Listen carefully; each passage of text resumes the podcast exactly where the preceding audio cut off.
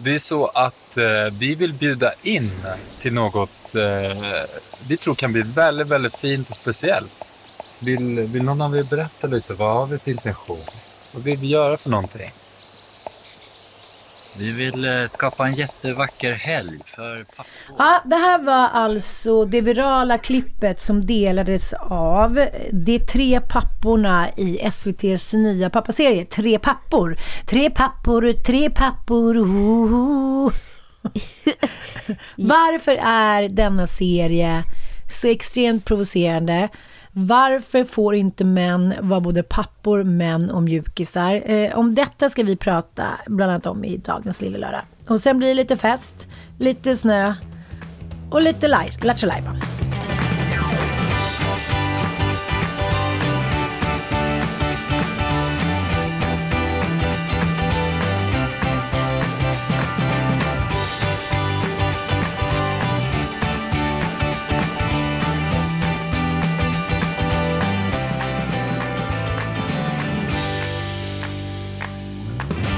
Den här serien har ju provocerat eh, människor. Jag tycker att så här, vad är det här? Jag mår illa.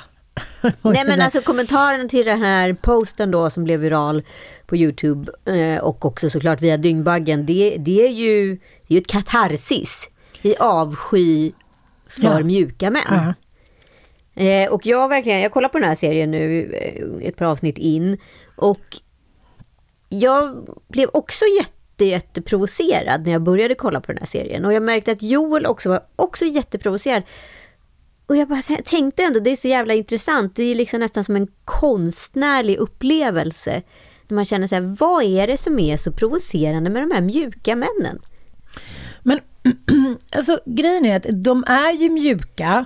Men det är inte så här 70 80-talsmjukisar med, med liksom gubbar som går omkring i velourdräkter och ska säga skrikläger för att få ut sin manlighet. Det här är ändå män som både omfamnar det manliga och det liksom varför säger man ens femina? Det är maskulina mjuka. Ja, men de mjuka värdena i att bli förälder. Mm. Eh, oavsett kön. Alltså det är ju en stor, stor omställning att bli pappa. Att gå från att vara son till pappa, precis som det går från att vara dotter till att bli mamma. Jag tror aldrig jag har liksom synat mina egna liksom värderingar runt mig själv, föräldraskap funderat över mina föräldrar, funderat över på vad jag vill ge för bild utav det här och vem jag är i det här. Jag har sett på mina vänner och vissa relationer kunde inte ens hålla mellan mig och tjejkompisar för att vi var så otroligt olika i föräldraskapsuppfattningen. here, here. Ja, nej men nej, alltså det är ju en jättebrytpunkt i ens liv att bli förälder. Men de här männen då som på något sätt som vi kvinnor ofta gör, gör någon form av reträtt på sitt eget liv och sin egen uppfostran de kommer alla tre från rätt komplicerade bakgrunder. Det, det är liksom, skulle jag säga, någon form av inringning utan att vara liksom, eh, psykolog i sammanhanget.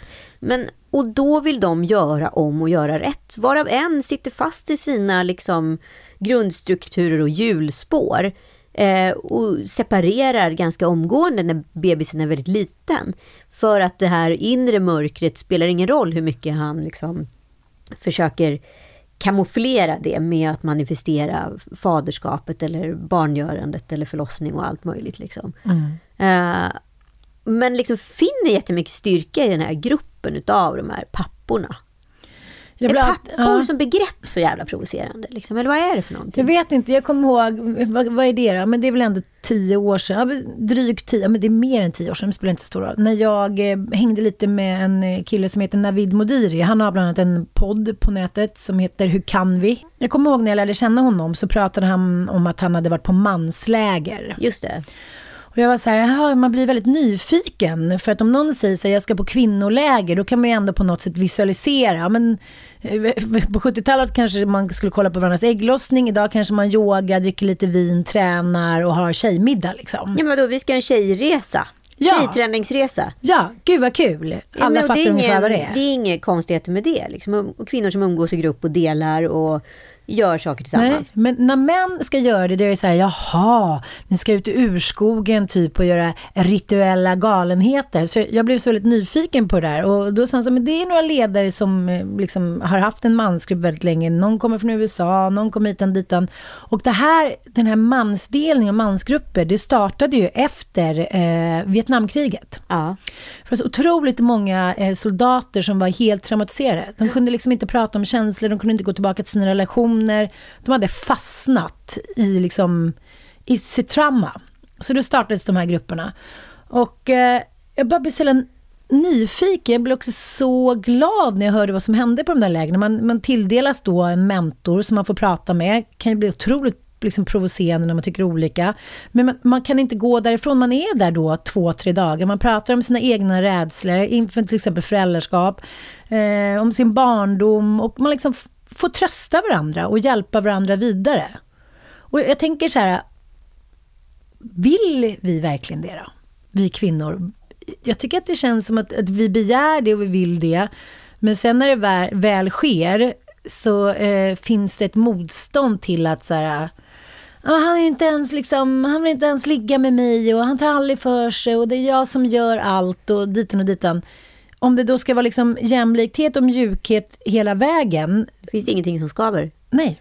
Nej, och det är ju... Och då finns det ingenting att liksom, då är maktkampen över. Och ja, då, kanske nu... vi inte, då kanske vi dör ut inom en generation. Precis, men nu pratas det ju om, ja men de säger också i den här serien så att det är väldigt mycket så här att kvinnorna har blivit mycket mer män, att de har bytt könsroller med varandra, att jag, jag, tänker att så här, det kanske egentligen inte handlar om, för det ändå väckte någonting med det kanske inte handlar om könsroller, att det är män som är män och kvinnor som är kvinnor. Eller hur det nu relationer ser ut, för så funkar det ju inte i exempelvis eh, hbtq-sammanhang. Där behövs det två komponenter, en maskulin och en feminin. Och vem som tar på sig de här rollerna, det spelar inte någon roll, för det är egentligen inte en könsnorm. Mm, mm. Det är en strateginorm för att överleva. Mm. Um, och jag tänkte jättemycket på det med Axel, du vet, Märta och Axel i Gift vid första ögonkastet, det mest provocerande tv-par som någonsin har eh, Ja, men jag eh, har det lite kämpigt. Jag har mm. förstått det. Mm. Jo, men precis. Och jag förstår ju att det, att det märks på mig. Jag tycker du är en så genuint fin person och, och jag vill liksom... Jag vill bara vara snäll mot dig och, och det är också... Det blir snällt för mig att vara så här ärlig mot dig så här tidigt. Vad jag fastnar är att jag liksom inte känner någon attraktion. When you're ready to pop the question, the last thing you want to do is second guess the ring. At BlueNile.com you can design a one-of-a-kind ring with the ease and convenience of shopping online. Choose your diamond and setting. When you find the one, you'll get it delivered right to your door. Go to Bluenile.com and use promo code LISTEN to get $50 off your purchase of $500 or more. That's code LISTEN at Bluenile.com for $50 off your purchase. Bluenile.com code LISTEN. Even when we're on a budget, we still deserve nice things. Quince is a place to scoop up stunning high end goods for 50 to 80% less than similar brands. They have buttery soft cashmere sweaters starting at $50, luxurious Italian leather bags, and so much more. Plus, Quince only works with factories that use safe, ethical, and responsible manufacturing. Get the high-end goods you'll love without the high price tag with Quince. Go to quince.com/style for free shipping and 365-day returns. Där han då är mycket den här mjuka, moderna mannen som har faktiskt lyssnat på kvinnan och kravställt sig själv efter metoo och så här fan ska jag värdera världen? Jag, jag, inte, jag kan inte stå på den där listan med de där idioterna så, uh, uh, uh, i fotbollsstadion liksom. Utan jag är den andra typen av man. Och det här är det mest provocerande Märta har liksom varit med om. Mm. Han är mjuk, skör och har lätt till tårar. Och han, är, han är ju en gammal plyschpappa liksom, som 70-talsmannen var. Vet du vad den stora skillnaden är på tre pappor och honom? Nej. Ja men tre pappor har så här, de vill ju vidare, de är ju inga fähundar. Absolut inte, de har ju en progress. Ja, och jag kommer ihåg när en tjejkompis till mig för några år sedan, hon var så här, jag vet inte, jag kanske vill separera så här, kanske, åh, det här, vi träffades när vi var så unga hit och dit, och så, så fixade hon en lägenhet och eh, skulle flytta in där, och eh, var så här, ja men då ska vi gå, eh, då får vi köra varannan vecka där du är. Han bara, nej. Det är du som vill där. Gå ner du till din trea. Ha det så bra typ. Du kan komma tillbaka när du har bestämt dig. Medan tid så fixar jag lite här hemma och gör fräsch typ. Hon bara, va? Då passade det inte Nej, nej, att det nej. skulle vara så. Att liksom mannen eh, satte en gräns för vad hans känslor på något sätt klarar av. Mm. Och det här tror jag liksom också ställer till så jävla mycket besvär, om man ska säga. För att när mannen då eh, visar sig sårbar och ödmjuk kanske inte har vågat det på liksom, flera år in i relationen för att man är rädd att man inte ska framstå som rätt pappa hitan och ditan. Och jag har några killkompisar som har sagt mig, men gud, jag kände ingenting när mitt barn kom. Jag kände ingenting på flera år. Jag är så här, men gud, hur är det ens möjligt? Och sen så pratar man med någon tjejkompis som säger så här, jag fick förlossningsdepression, jag kände ingenting för mitt... Nej men gud, jag fattar verkligen. Gud vad jobbigt för dig. Så att det är hela tiden att man, vi tror att det är vi kanske som har koll på alla våra känslor och strängar och lyror och dit. Men om mannen ens aspirerar på att vara med oss där uppe på barrikaderna så puttar vi ner dem direkt. Ja men exakt och det är det här som är så intressant. Vi är inte beredda på att män kan vara mjuka, för då har vi ingenting att kritisera. Det är ju många som uppfostrade liksom, och har papper som aldrig har pratat känslor med dem. Nej. Jättemånga. Och Och sen- så 40-talistgenerationen är ju helt oförlöst. Ja, och jag tänker på sen när man ska prata om trygg anknytning, otrygg, ambivalent. Det finns ju liksom, eh, men, det finns en uppsjö av det här, men det förklarar ju så otroligt mycket varför människor inte vågar heller, vad man har sår i barndomen, precis som den här killen i Tre pappor. Men att man då ska våga stå för det. Ja, Ja, och det är, ju, de är, helt så underbart. jävla modiga. Alltså jag, är så här, jag verkligen kämpar mig igenom den här serien och kämpar med mina egna fördomar och försöker liksom öppna upp och tänka på det här vara helt ren. Det är liksom som en jävligt spännande konstupplevelse. Man går in i någonting med en viss inställning, sen sakta, sakta så försöker den här inställningen, den rubbas liksom. Mer med, för de gör ju faktiskt hela jävla manssamhället en supertjänst. Och innerst inne så önskar jag att fler män var som tre pappor. Men samtidigt så blir jag ju provocerad av det och, och jag vill veta varför, för provokationen ligger hos mig. De gör ju inga fel. Nej. De gör ju alla rätt. Mm, jag vet. Det är bara det att jag tänker så här, när man ser män som tar sig tid. Jag tror att det är det som är provocerande. Ja. Att man tänker så här, där sitter de ute på några retreat, det är inga ungar, eh, det är ingen som hänger dem i tutten, eh, liksom, de blir höga på kakao, liknande. Jag tror att man känner sig, eh, man, tycker, att jag känner, man känner sig orättvist behandlad. Man tycker så här, varför satt inte jag där när jag hade små ungar utan ungarna och farsorna var hemma? Jag tror att det handlar om att man liksom... det är svårt inga att- pengar egentligen, för det, det är liksom, de lever ju på bark i, i tre Ja. dagar liksom, och Mm, mm. kakao. Jag tror, Eh, jag och sen tror inte att det handlar mer. om att de kan. Vi måste också erkänna att när vi sitter där, eh, vill du ha någon av de där tre männen hemma i bingen? Nej. Det är, är det det som gör ont alltså? Jag, jag är rädd för att det är det. Fast grejen är, det finns ju kvinnor där ute som vill ha de här männen. Jag menar alltså, om vi också var på läger med de här männen och möttes liksom i kakaots eh, töcken, då kanske vi också det kanske är så att alla platser i samhället, hemmet, jobbet, krogen, är krigsskådeplatser. Att liksom, vi kan inte lägga ner vapnen. Vi måste liksom rusta oss för rädslan av att visa sårbara. Och skulle man kunna vara på sådana här helt neutrala ställen tillsammans med män innan man skaffade barn till exempel, eller när man var gravid eller eller hiten och ditan, då kanske man inte hälften av alla föräldrar skulle skilja sig inom tio år. Ja, men jag fick en intervjufråga här för ett tag sedan om jag var lyhörd och jag studsade lite på det här för jag tänkte så här, vad värderar jag som lyhördhet? Jo men att jag ser människor, kompisar till mig säger ofta att jag är så bra och inkännande och, och liksom att jag ser och hör saker och sådär. Och så kom jag hem och så sa jag till Joel att eh, Ja, men jag fick den här frågan om jag är lyhörd. Men den, jag, det var ändå någonting i den som jag fick studsade i mig liksom. Men visst är jag lyhörd så här? Han skrattade. Jag tror nästan vi får ta upp det i Wikipedia, vad lyhörd, liksom vad det eh, definieras som. Eh, lyhörd, här ser man en liten bild på dig också. Lyhördhet eh, handlar om att vara särskilt öppen, vaken och medveten, att ha ett känsligt sinne och ha lätt att uppfatta olika företeelser, samt att efterlyda och respektera andras behov.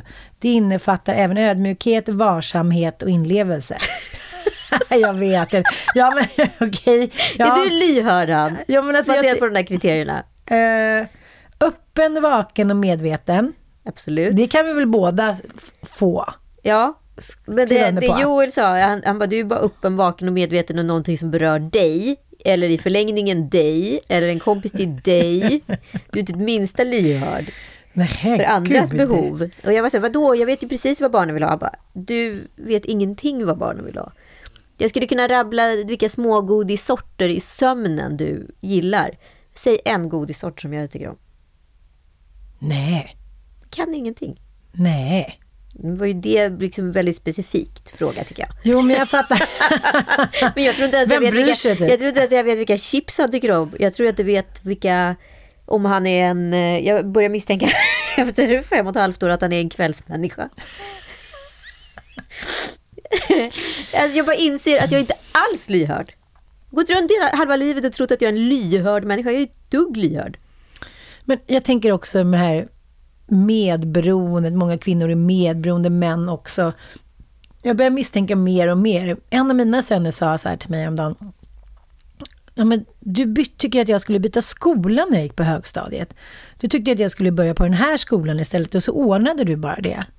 Mamma, jag ville aldrig det. Jag hade typ inte en enda kompis under de där två åren i den där skolan. Jag ville bara vara med mina kompisar i den gamla skolan. Jag var så här...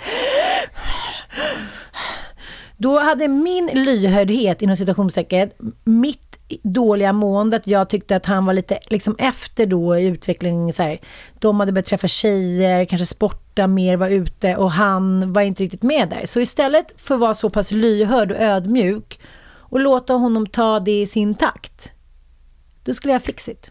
Ah, ja, ja. Mm. Du skulle helikoptermamma in ja. dig. Jag tycker det är bra om han får liksom få en ny roll. Men för då som att han, han kommer alltid ha den där rollen. Han, han, är liksom, han föddes i den där rollen. Så som han är och så som han vill göra, så som han beter sig. Sen kan man ju liksom arbeta med allting, men det slog mig, det, det gjorde väldigt, väldigt ont att jag skulle säga och det är väl liksom ett problem som jag känner att jag verkligen måste jobba med, att jag ska in och fixa. Människor kan ha lite jobbigt ett tag. Det är okej. Okay. Ja, och det här liksom, det har jag efter 50 år aldrig klarat av. Det kan inte göra ont på mig, det ska inte göra ont på andra. Jag måste bara fixa det. Men, men ofta när jag ska fixa det så blir det ju inte till det bättre. Nej, nej, det, man sabbar ju mer än vad man... Jättejobb insikt. Ja, alltså det gör ju så fruktansvärt ont. Jag bara så inser att så här, det blir också någon form av så här livslögn man mm, går runt och mm. bär. Här springer jag runt och tror att jag är liksom typ. så här, Sveriges mest lyhörda person. Det är jag mm. absolut inte. Mm. Jag, är, jag är ju en fars i lyhördhet. Nej, men vad då? Det är ju så här, it's me, myself and I. Mm, mm. Och det som är relaterat till mig eller på något sätt berör mig, där vaknar örat. Mm. Det är ju narcissistiskt drag. Mm. Det är inte lyhört. Den snälla narcissisten. Exakt. Mm. Eh, men att läsa av stämningen bland andra människor. Ja, visst kan jag läsa av stämningen i ett rum. Och visst kan jag förstå ifall någon mår dåligt och sådär. Men om jag ska vara riktigt ärlig mot mig själv så är ju det oftast en efteranalys och inte direktanalys. Mm nej, jag tyckte det, jag tyckte det smärtade lite. Mm. Och det måste jag ju säga tillbaka till våra tre pappor, att de är extremt lyhörda. Men är man för lyhörd? Mm. Kan man vara för lyhörd? Mm. Nej. Men jag tänker också så här, i den där eh, men inledningen då som sen blev viral och provocerade så många, när de då bjuder in och säger att vi ska ha ett pappaläger. Och så ja. berättar de vad de ska göra där. Och då tänker jag så här, nej men vi är avundsjuka på att de kan åka dit utan att ha all, all gears. Med liksom vinet, ciggen, snygga kläderna, fix i håret. De bara tänkte att vi åker ut dit och så hänger vi bara. Så jag tror att det är den här, som vi också pratade om tidigare, på den här perfektionismen, att kvinnor har dragit åt ett håll där allting ska vara perfekt hela tiden. Vi stannar liksom inte upp och tänker så här, okej, okay, som häromdagen sa Mattias till mig, han bara, gud vad mysigt, vi satt hemma här i vardagsrummet och drack ett glas rödvin och hade liksom inga planer för hela helgen. Det var typ den lyckligaste kvällen i mitt liv. Jag bara, Ja, okej. Eh, han bara, du tittar aldrig på mig när vi pratar, så du kollar alltid på telefonen. Och sen så eh, har han gjort det lite på senaste tiden. Oj, oj, oj, oj, oj. Oj då. Oj, ska, du sitter och kollar på telefonen. Ah, ja, men vad kul, jättekul. Vad kul för mig och barnen. Han bara, men du har suttit och kollat på telefonen i typ tio år. Jag bara, jaha, du menar så? Okej, okay. och sen så bara liksom inte fortsätta kriget, utan så här, stanna i det, att det är hans känslor. Ja, men också så här att våga ta till sig den kritiken utan att så här själv gå under. Mm. För vad skulle hända liksom? Så det tror jag att, att, det handlar om att vi blir också rädda när vi inte kan styra männen. När vi tänker så här, för vi har de här förutfattade meningarna. Så här, ja, men när män, män pratar aldrig med varandra och när de gör på någonting, då är det golf och fylla och, och åka och dricka bärs i Prag. Liksom. Men när vi gör någonting, då är det mer mångfacetterat. Det kanske inte alls är.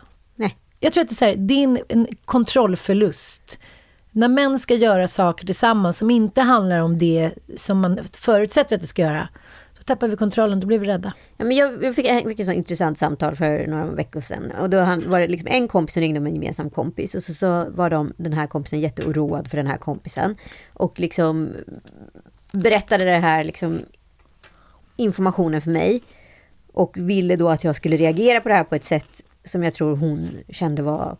Det här var hennes bjärn. Och, hon ville att du också skulle gå igång? Ja, och jag var så här det är en jättesvår situation en jättesvår fråga. Men jag känner också att det finns, liksom, här återigen, här finns det liksom gamla värderingar ingrodda i nya problem. Så här var jag lite lyhörd och backade istället för att gå all in. Liksom. Mm. Men... Men känner inte du att du reagerar på det där lite manshatarsättet av gammal vana? Vad menar du då? Men, om man sitter på en middag till exempel, eller ute, så börjar någon tjejkompis så här, börjar snacka skit om sin kar. Mm. Det är väldigt enkelt att liksom haka på, på faktiskt, som vi förutsätter är ett mans sätt. Så här, oh, oh, oh, Tänk om det är så att vi anammat liksom den gamla bröliga mansrollen. Förstår du? Absolut skulle jag säga. Ja, och det är enkelt, man hakar på, det är männens fel, det är hiten och ditan. Och det tycker jag att jag går igenom en sån jävla liksom, katarsis nu, när man så går igenom vad man själv har liksom, för skyldigheter, vad man själv liksom har för, för, del av att det blir en maktkamp. Och då är det liksom, från att man har suttit på ett berg och tittat ut och sett så här, solen gå upp, så är det liksom, det kommer så mycket moln. Det kommer så jävla mycket moln. Och så känner man så här, Antingen kan man stanna i den där känslan som man liksom, det är dens fel och det är doms fel och det är uppväxtens fel. Och, eller också kan man bara säga, vad kan jag göra då för att eh, bli en bättre person? Ja, exakt. Man måste ju börja med sig själv någonstans. Och så här, åh, jag tycker det är så svårt, för det är så många, alltså det är lite som man pratar om, vi har pratat om eh, liksom den här lättkläddheten nu, trots att kvinnan har ju makten och telefonen i sin hand, men ändå väljer man att porträttera sig själv från en gammal så här, vad vi påstår då är liksom ett manschauvinistiskt perspektiv, lite, och lite underläge liksom hela tiden på bilderna. En grav halt av exponering förekommer just nu liksom överallt i sociala medier. Och det har ju med de visuella medierna att göra, det har med algoritmerna att göra och det har med vilka som programmerar algoritmerna och, och så vidare. Och så blir det här en marknad i sig. Men om vi liksom ändå har makten men hela tiden springer in i de här gamla fällorna då har ju vi bara adapterat precis allt det den gamla manskulturen har lagt på oss och ty tidigare tyckt om oss. Men det som har skett är att vi har tagit in de här idealen i oss själva och nu när vi ser då ett par mjuka män på TV så vill vi kräkas.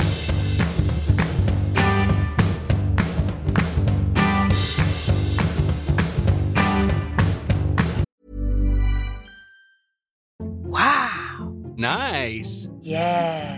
What you're hearing are the sounds of people everywhere putting on Bombas socks, underwear, and t-shirts made from absurdly soft materials that feel like plush clouds. Yeah, that plush. And the best part? For every item you purchase, Bombas donates another to someone facing homelessness.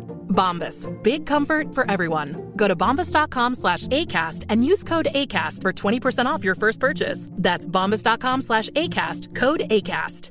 Burrow's furniture is built for the way you live. From ensuring easy assembly and disassembly to honoring highly requested new colors for their award-winning seating, they always have their customers in mind. Their modular seating is made out of durable materials to last and grow with you. And with Burrow, you always get fast, free shipping. Get up to 60% off during Burrow's Memorial Day sale at burrow.com slash ACAST. That's burrow.com slash ACAST. burrow.com slash ACAST. Du var väldigt fin i lördags. Tackar, tackar. Du såg ut som en smällkaramell. Ja, det var många skämt. Det har varit Gränna, det har varit Marianne och det är smällkaramell och allt möjligt. Jag tycker, jag älskar ju randigt. Det ser du ju. Jag är alltid Ja, randigt. jag håller med. Randigt och prickigt. Ja. Livets mönster. Exakt. Ja, det var ju eh, vår kompis Ninni som fyllde 40 och det var ju efter konstens alla regler.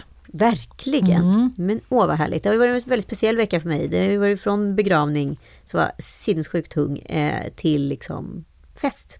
Mm. Hela känsloregistret.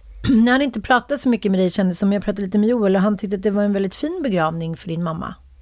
Ja, alltså det blev ju jättefint. Det kom lite vänner och liksom eh, vi gjorde ju en urnbegravning, så det var ju en urnsättning efter begravningen. Så vi sänkte liksom ner mamma till pappa i marken. Aha, okej, okej. Men det blev ju, det blir ju konstigt alltså. Man, jag har varit liksom väldigt så här mm, på det klara med vad som ska ske och hur det ska ske och hej och hå liksom. Eh, men när man väl ser den där urnan där inne i det där rummet, alltså det är så jävla definitivt. Mm. Det var så mycket känslor som kom upp. Men det var en jävligt fin begravning. Men sen är det ju så märkligt på något sätt spelade spelar en Elvis-låt som mamma älskar, If I Can Dream. Eh, och sen så tänkte jag jättemycket på mamma. När hade vi liksom sist bra kontakt och sådär. kom jag på att det var ju typ med Kalle som mitt bröllop. Då höll hon tal och efter det så har det liksom färgen som var sakta var röd kanske har blivit allt gråare till att vara en, ett absolut mörker de senaste tre åren. Liksom. Och sen så bara tar det väl liksom, det är så konstigt med döden så vet man inte vad man söker och inte liksom. Men dagen efter så kom If I Can Dream liksom på Radion. radio. Ah, ah. Jag, jag vet på riktigt, jag tror inte jag har hört den låten på liksom 30 år. Nej, inte jag heller. Eller 40, I, I don't know. Men liksom sen jag var liten och lyssnade på mammas Elvis-skivor.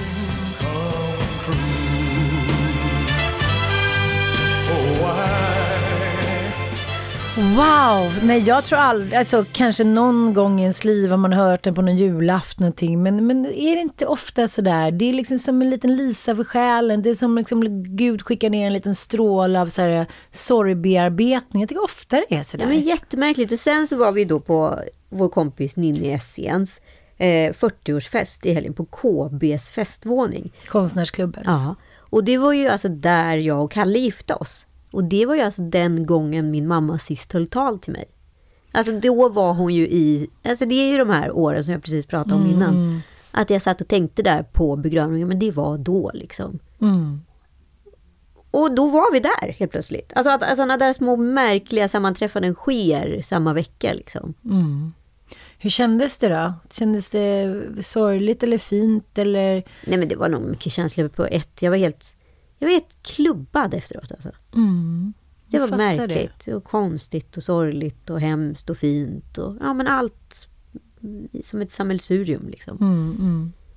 Och man får också ett nytt perspektiv på sina föräldrar, alltså, eller mamma i alla fall. Liksom att ja, hon var den bästa arbetskamrat man kunde ha. Hon var rak och tydlig och stark och så ibland kunde hon fräsa ifrån. Och, men hon var alltid solklar på vad hon ville och vart vi skulle. Hon var ju gruppchef liksom på eh, Stadshypotek och jag var så här, what? Who's Du that girl? det? Nej, väldigt sällan i alla fall. Men jag tänker också att när, när du kunde ha sett det, liksom när man kom över den där åldern där liksom föräldrar bara var så här dinosaurier som man inte liksom uppskattade riktigt, kanske för deras personlighet, utan mer för så här, deras om, eh, vad ska man säga, omhändertagande, så kanske det var för sent. Ja, det var väl så. Och sen så var det liksom, min kusin var där. Eh, och så berättade hon liksom att ah, det var alltid så roligt när ja, mina föräldrar då kom hem till dem på julen. Och hon var ju väldigt mycket med mina föräldrar innan jag kom. Alltså, mina föräldrar var ju barnlösa ända upp till 38 och på den tiden fick alla barn runt 20. Så det är ju liksom en lång tid. Wow, de hade liksom ett långt liv innan barn. Exakt. Och då var man så här, ja, de hittade alltid på något prank och din pappa var så charmig och rolig. Och din mamma var alltid så snygg. Och eh, man visste att när de, man skulle få julklappar från dem, då kom det alltid något extra extra liksom. Och sådana där grejer så börjar jag tänka på så här, ja men det var det ju liksom. Men jag, saker man tar för givet Mm. också. Mm. Tillbaka till min uppenbara olyhördhet då. Mm. Ja, ja men som man, alla barn är ju Mm. olyhörda inför sina föräldrar. Det är ju först när man blir vuxen och kan se föräldrarna ur ett annat perspektiv och slutar vara arg på dem för att de har gjort, begått en massa misstag när man själv blir förälder då. Utan den där delen, den fick ju jag aldrig dela. Jag fick ju liksom aldrig se mina föräldrar Nej, jag fattar. med vuxna ögon, så det var ju speciellt. Och Ninni då som eh, ja, fyllde 40, hon har ju också båda föräldrarna förlorade. Mm, Precis som mm. du Ann, vi Mm. konstaterade ju det. Det är ju en märklig sammelsurium kvinnor som har samlats. Ja, hon har Mm. ju sin pappa kvar i livet, men liksom att vi alla är liksom på ett eller annat sätt föräldralösa liksom, och vad det gör med en. Mm. Och eh, jag tyckte Ninnis fest var så otroligt fin för att det var, hon hade liksom mixat sina föräldrars vänner där tillsammans med kompisar från olika epoker i hennes liv. Liksom. Mm. Jag tänkte också det, vad härligt det är och vad jag har saknat det, när det är olika liksom, generationer där. Sen så har ju alla kanske senaste 20 åren närmat sig varandra. Jag kommer ihåg när vi var i Båstad, pappa var ju sportjournalist och skrev alltid om tennisveckan i Båstad.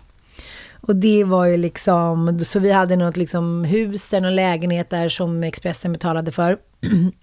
Och då var vi, så, vad kan vi ha varit då, liksom 16-17 kanske? Inte, jag tror inte vi hade liksom åldern inne för att festa, men det brydde sig inte folk så mycket om då. Inte så svårt. Och Mia Parnevik och Jesper, det var liksom, ja men, de var ju inte så mycket äldre, men, men man visste så sin plats liksom. Ja. Det var ju inte så att mamma och jag skulle stå och festa. Nej men det fanns Nej, men ju det är ju inte. jättemånga som gör med sina barn nu och det, det kan inte jag drifta mig till. Det är liksom, där gör man en åtskillnad tycker jag, men jag vet inte, om- det kanske om det hade varit, om det hade varit mer naturligt att det var som det var i lördags, att hans barn var med och liksom em, vuxna barn, att de liksom är med och festar, men nu är det så himla indelat hela tiden. Man är liksom ganska mycket med en viss generation och det är inte så många som är i liksom den äldre generationen. Nej, Och i precis. så fall är de liksom lite special. Här var det ju verkligen så här, ja men tant Ag- liksom mormor Agda-typer. Och det, det är det som jag tycker är tråkigt, att det inte liksom, det finns ingen, eh, alltså paletten är bara några få färger ofta på fester. Ja men det blir ju ofta så och i mitt fall då som inte har så många gamla. Jag tycker det är ännu viktigare att det finns Mm. liksom gamla personer i barns liv för att de måste se att livet har massa olika skeenden och Mm, att mm. människor blir på vissa sätt i olika åldrar. Mm, Jag tycker att det är så fint. Nej men det var väldigt stämningsfullt och väldigt kul. Och du var också piffig. Ja, var piffig. Ja visst. Jag hade min gamla eh, bh, eh, den enda bh som jag har. Min aprikott. Ja, mycket tjusig. Ja, och sen hade jag en blå kostym, lite glansig sådär var det ju. Ja, verkligen. Mm. Men grejen var att kavajen var i storlek 40 och byxorna var i storlek 36. De, de, de du skulle behövt två 38 egentligen. Inte.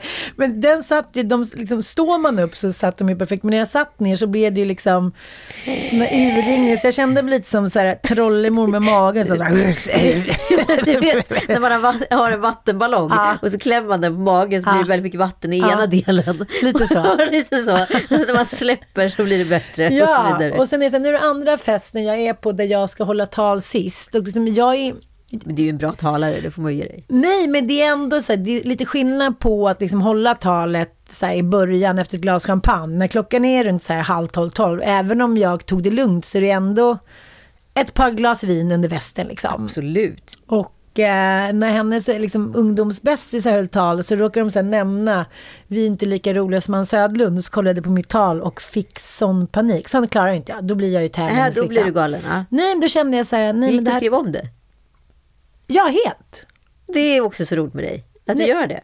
Nej, men då kände jag så här, det här talet är inte roligt. Det är fint och vackert och det han liksom hade skrivit det handlat om vänskap och vad vänskap är och hur man behåller den och att det är ett hårt jävla jobb att vara någons vän. Liksom. Och eh, att, liksom, apropå det vi pratade om tidigare, att så här, eh, men jag tänker på hur mycket, jag har ju lagt ner mycket liksom, eh, tid på mina relationer, som du sa åt mig om dagen, du låter alltid dina relationer komma först, men det har ju inte jag tänkt på själv. Utan det som jag har varit liksom ofta lätt för mig är ju mina vänskapsrelationer för att de är så kittlande i mig. För att jag tycker jag får så mycket av mina kompisar. Så då blev jag så här, okej okay, jag måste ändra. Så då, eh, då skrev jag om talet helt. Så nu har jag liksom ingen riktig jävla aning om vad jag sa i det här talet. Men det kändes bra och jag fick ju mycket beröm. Det blev väldigt eh, spontant liksom. Nej men alltså det var ju jätte, jätteroligt. Nu kommer inte jag heller ihåg vad du sa. Det. Som sagt, det var ju typ halv tolv på natten. Ja. Men eh, det jag skrattade jättemycket gott, varmt och rått. Ja. Nej, men jag bara kände så här, men nu får du vässa klorna lite. Och jag, jag, tycker det är härligt med kompisar som tar fram det igen. Du gör också det mig och Ninni och Sanna. Att man, så här, man vill inte vara, liksom, man vill inte bara göra lite så här för att man ska. Nej, nej, nej, nej. nej. Det måste finnas ett, en, ett uns utav någonting mer. Ja. Eh, jag tycker, tycker mer människor ska våga mer i tal. Jag tror tal känns som ett, ett, ett nödvändigt ont många gånger. Mm, Men liksom ett tal, ett bra tal, det, det kan ju lyfta en hel fest. Ja, och det tycker jag sitter kvar i henne som hennes ungdomskompisar, att de eh, hade förinspelat första delen av talet. Och liksom, det är klart att det är ett grepp som används, men det är ju briljant. För man kan ju vara briljant, hur jävla ju. hård som helst egentligen. Ja, mm. exakt. Och det blir ju också så när du är på ett bröllop eller på en fest, om det bara stryks medhårs, då blir det aldrig den där liksom, fantastiska känslan. För då känner man så här, då kanske ni inte är så bra vänner om du inte vågar säga någonting som inte är perfekt och bra. Liksom. Nej, men jag kommer ju alltså skriva med det i eh, min inbjudan till 45-årsfesten att om någon ska hålla tal så kommer jag, de, de inte få hålla ett tal ifall de bara ska säga snälla saker. Don't you worry baby.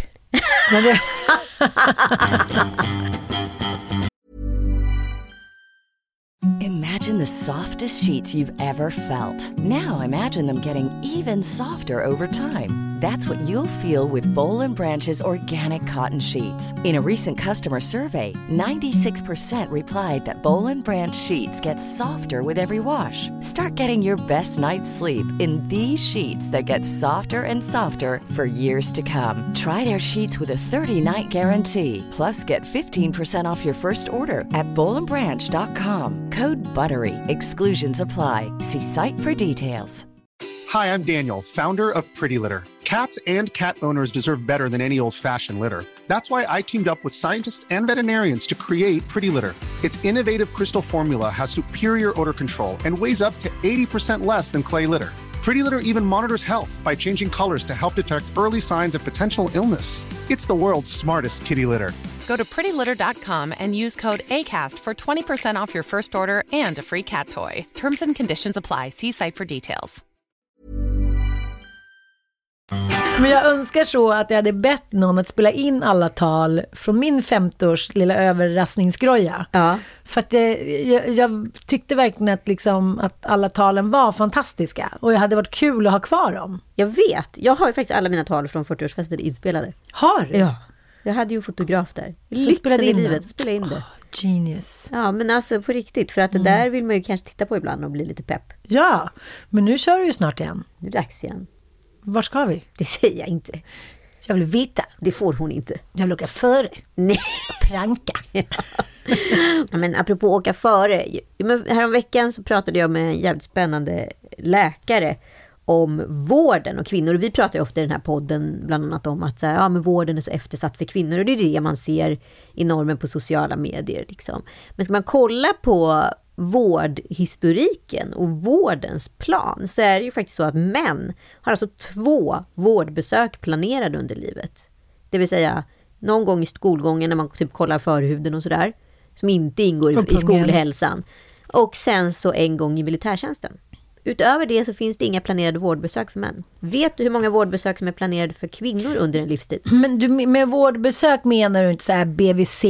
Nej, inte BVC, här, inte skolhälsovårdens ja. vaccin, inget sånt som är obligatoriskt mm. på det sättet. Utan så här, vårdbesök där man går igenom kroppen och kollar och gör de blodprov inte mam mammografi, de är, blir de kallade till pungografi? Nej, jag, jag, vet faktiskt inte om de blir kallade pungografi. Nej, men alltså de får ju kontakta är det, onkologen själv och liksom checka upp sin prostata liksom. Eh, så att det är ju jävligt märkligt för att kvinnor har alltså 34 planerade vårdbesök genom sitt liv. Och i genomsnitt så dör ju män cirka 10 år tidigare än kvinnor.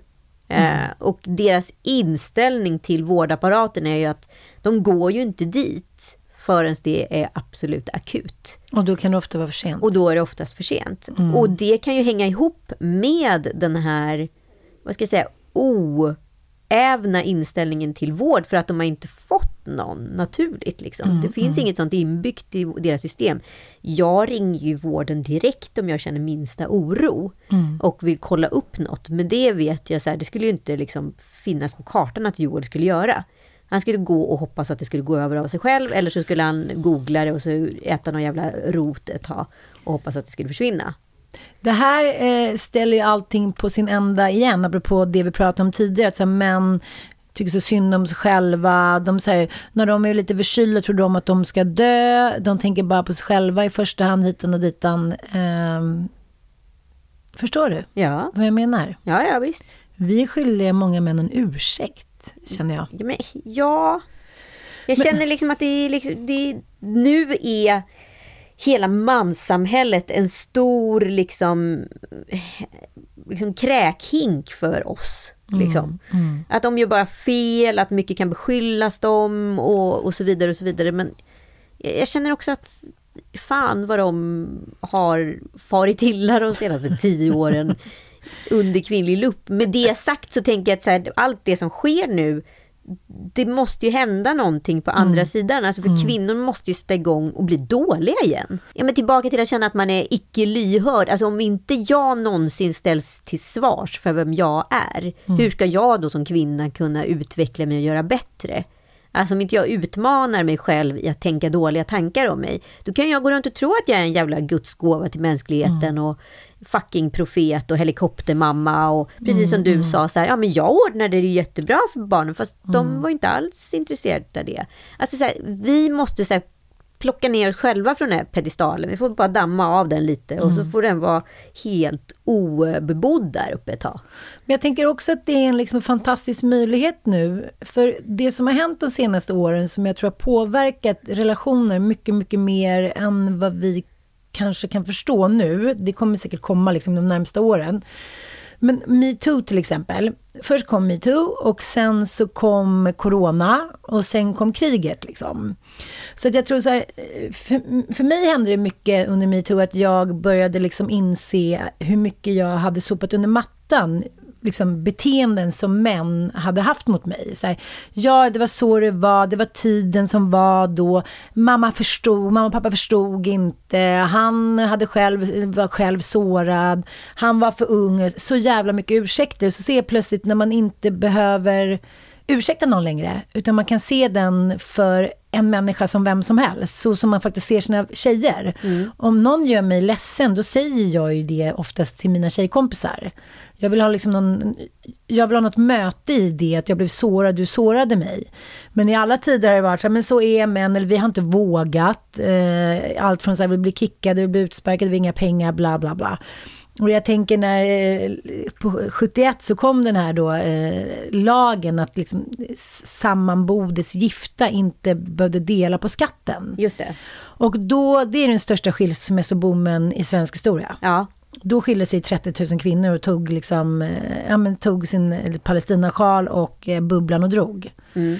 För då var det helt plötsligt inte värt det liksom. Nej men alltså de flesta gifte sig ju förr i tiden bara baserat på att man skulle kunna få en bostadsrätt eller hyresrätt och sen så kunna... Ja, eller också så var det liksom snubben i typ huset bredvid. Alltså det var så här, ja det blev som det blev, man blev på smällen, det var inte så mycket mer med det. Men det som jag tror har hänt, att det har hänt liksom även mycket i männen, att de har tänkt över sina beteenden. Och nu kommer liksom coronan och många män verkar må dåligt när de ska ut i arbetslivet igen eller i vanliga livet för att nu har de fått vara lite extroverta. De har ju inte behövt liksom leverera på golfbanor och på firmafester. Bla bla. Det är också ett stark, ganska starkt eh, incitament för män att de alltid ska vara så välkomna, nu finns jag, nu är jag på mitt allra liksom, bästa humör. Mm. Eh, jag tänker att vi alla kanske skulle tänka att vi är lite mer högkänsliga, men, men jag tror att det finns något möte i det där. Att så här, vad händer nu? Vad händer efter metoo? Vad händer liksom med kvinnan? Hur ska vi gå vidare? Hur ska vi liksom på något sätt kunna mötas? Om man ska så här, få typ hatkänslor varje gång man ser en man som gör eh, något lite mjukare eller har ett behov, då kommer det bli jävligt svårt. Alltså. Ja, men då måste man ju gå till sig själv och ställa frågan varför blir jag så provocerad Ja. utav det här? Varför är det ett hot? Varför är det ett hot mot mig och varför gör det ont och varför skaver det? Och när man inte får några svar, då måste man ju börja här, se det ur ett samhällsperspektiv. Vad är det som Mm, sker mm, egentligen? Så här, här någonstans i den här eran, fem år efter metoo, det är nu vi börjar snacka med varandra med helt nya facit Mm. jämfört med de tidigare. För det, protokollen har ju rättats om och de ser annorlunda ut. Och Mm. nu kanske vi faktiskt kan mötas och prata som individer och art igen utan att vara så jävla förbannade. Men sen ser världen ut som den gör. Alltså Mm. våra ideal och förebilder som vi skapat här uppe i väldigt extrema eh, Sverige som liksom är väldigt progressiva i, i någon form av värderingsunderlag enligt World Value Map.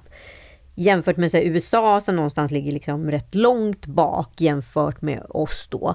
Eh, när de fortfarande har de här gamla mansidealen inne och så syns allt det här på sociala medier då exempelvis. Då, då, vi, kan ju inte, vi kan ju inte bara vara progressiva. Mm, mm. Då börjar vi ju titta bakåt igen. Så snart tror jag det som är liksom risken, eller vad jag ska kalla med det, det är att vi dras tillbaka till någon form av norm som vi kanske egentligen borde gå ifrån. Men vi Mm. har inte möjligheten att förändra för det finns inga verktyg för framtiden som det ser ut just nu.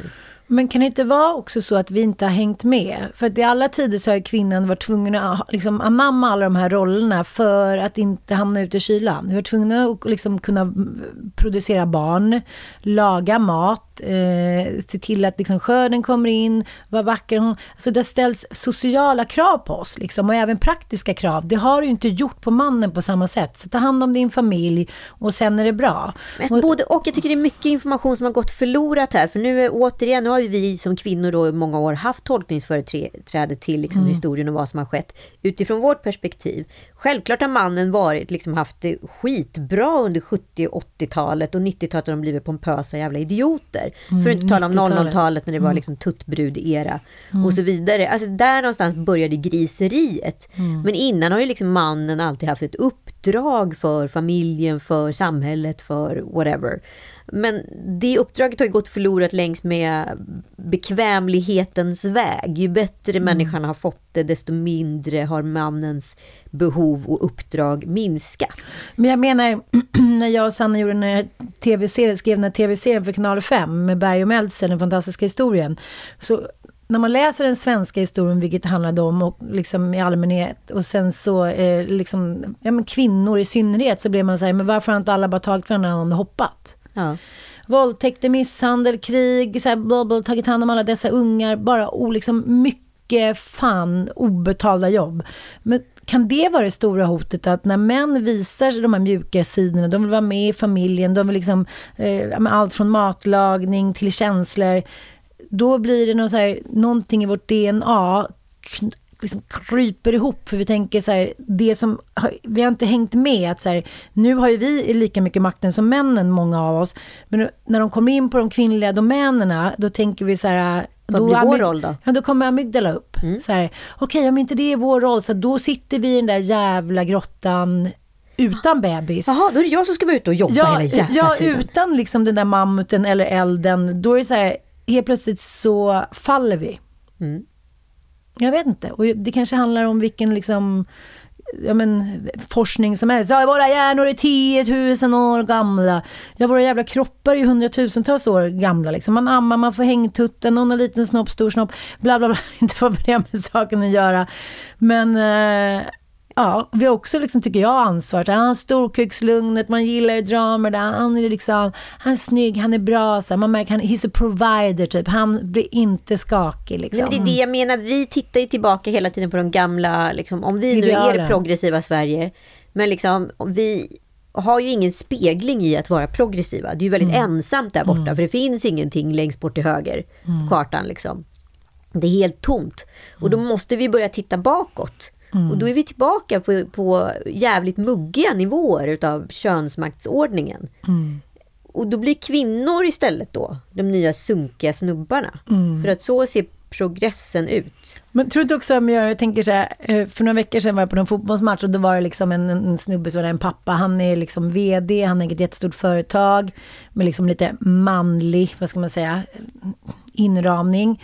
Och så var han så här, gud, men jag kan ju liksom knappt igen, ens slå en boll liksom i fotboll, jag vet inte vad lagen heter, så kolla min son, det har han från farsan typ, han är liksom helt värdelös. Och det tyckte jag var så charmigt och bjussigt.